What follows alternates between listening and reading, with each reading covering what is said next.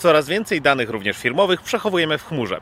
No bo dostęp z każdego zakątka świata, niskie ryzyko utraty danych w wypadku awarii czy proste skalowanie. Trafiają tam również dane bardzo wrażliwe, finansowe czy też osobowe. Nic więc dziwnego, że chmurę coraz częściej biorą sobie za cel różnoracy cyberprzestępcy. No bo wystarczy przecież znaleźć jakąś lukę w konfiguracji, albo komuś wycieknie token dostępowy, czy też poświadczenia w innej formie. A wtedy kaplica, safe staje przed nami otworem. Dane te przecież nie są schowane za naszą wewnętrzną infrastrukturą, a dostępne szeroko dla każdego posiadającego odpowiednie klucze.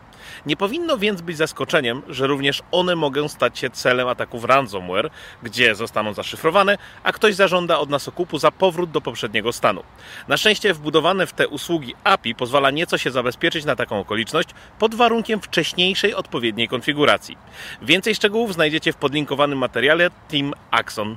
Więc warto zastanowić się, czy to dobrze, że